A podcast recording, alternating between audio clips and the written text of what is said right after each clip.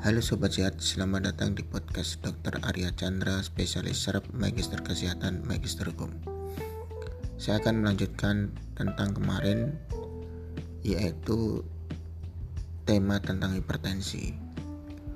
Faktor risiko hipertensi berdasarkan GNC 8. Selain mengetahui klasifikasi hipertensi, menurut GNC 8 yang sudah saya jelaskan kemarin, kita harus juga mengenal faktor risiko yang dapat membuat sobat sehat terkena hipertensi juga tidak kalah pentingnya.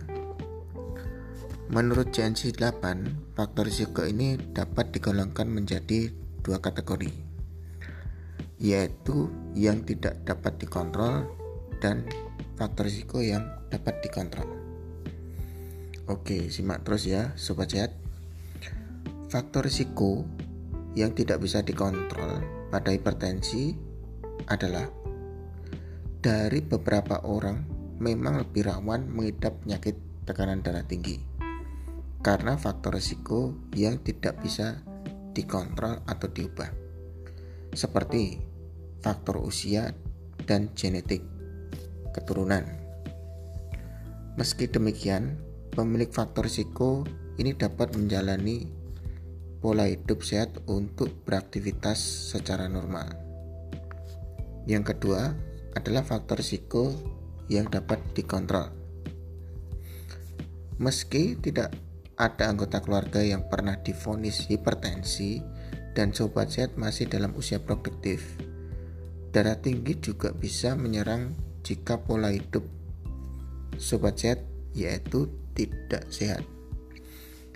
Aktivitas yang dapat menimbulkan hipertensi, misalnya sobat sehat itu mengalami terlalu banyak mengkonsumsi garam, kurang gerak atau kurang olahraga, kegemukan atau obesitas, merokok dan minum alkohol, stres, diabetes, dan gangguan tidur yang biasa kita sebut dengan sleep apnea. Menurut Kementerian Kesehatan Republik Indonesia, kasus hipertensi di tanah air paling banyak disebabkan oleh pola makan yang kurang buah maupun sayur, merokok, konsumsi makanan yang berlemak secara berlebihan, dan kurang aktivitas fisik. Namun faktor risiko ini bisa dikendalikan dengan melakukan yaitu langkah cerdik. Ingat ya sobat-sobat, langkah cerdik untuk mengendalikan faktor risiko hipertensi.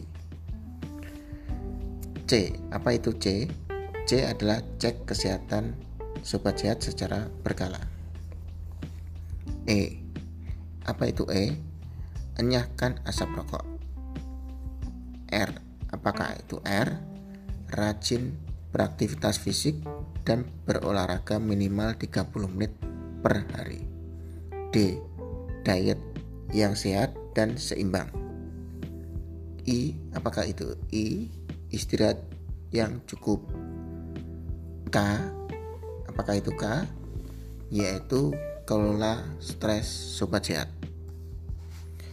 Oke, penting dari kita yaitu sobat sehat untuk mengontrol berat badan agar tidak sampai kegemukan atau bahkan obesitas. Pasalnya untuk siap penurunan berat badan sebesar 5 kg, tekanan sistolik bisa berkurang hingga 2 sampai 10 merkuri. Pesan terakhir, tidak pernah ada kata terlambat untuk memulai hidup sehat. Oke, cukup sekian untuk podcast kali ini. Semoga bermanfaat buat sobat sehat. Terima kasih.